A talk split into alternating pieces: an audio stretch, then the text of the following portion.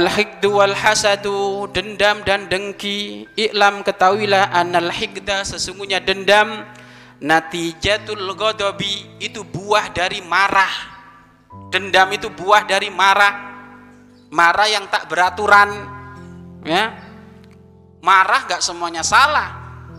Ada marah yang boleh marah yang boleh yang diatur oleh nalar pikirannya maka menjadi syaja'ah, pemberani. Maka itu marah yang diperkenankan.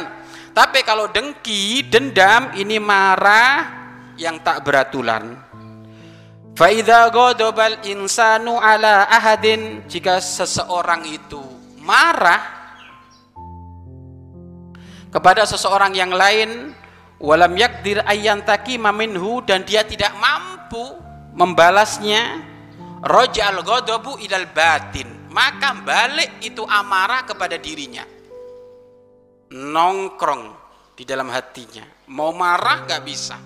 Mau marah nggak kesampaian. Akhirnya dongkol di dalam hatinya. Fasoro hikdan. Maka jadilah pendendam. Eh? Jadilah penden pendendam makanya biasakan kalau marah nggak boleh masuk ke hati. Kalau marah masuk ke hati itu jadinya dendam. Kita kemarin ngadap ke Buya. Ngadap ke Buya minta nasihat. Ya ngad, ya abang ngadu ke Buya. Gimana nyikapi anak-anak yang suka melanggar? Nyikapi santri yang suka melanggar. Saya ngomong waktu kemarin lebaran. Kok saya puyeng bu ya gitu. Kok saya stres tak gitu. Ternyata beliau masya Allah ngomongnya simple safe anak-anak yang melanggar itu jangan dimasukkan ke hati. Kalau kamu memasukkan ke hati setiap anak yang melanggar kamu akan puyeng stres anak yang melanggar ya dihukum tapi nggak boleh ganggu hatimu hatimu tetap penuh dengan kedamaian, ketenangan, fokus berjuang karena Allah.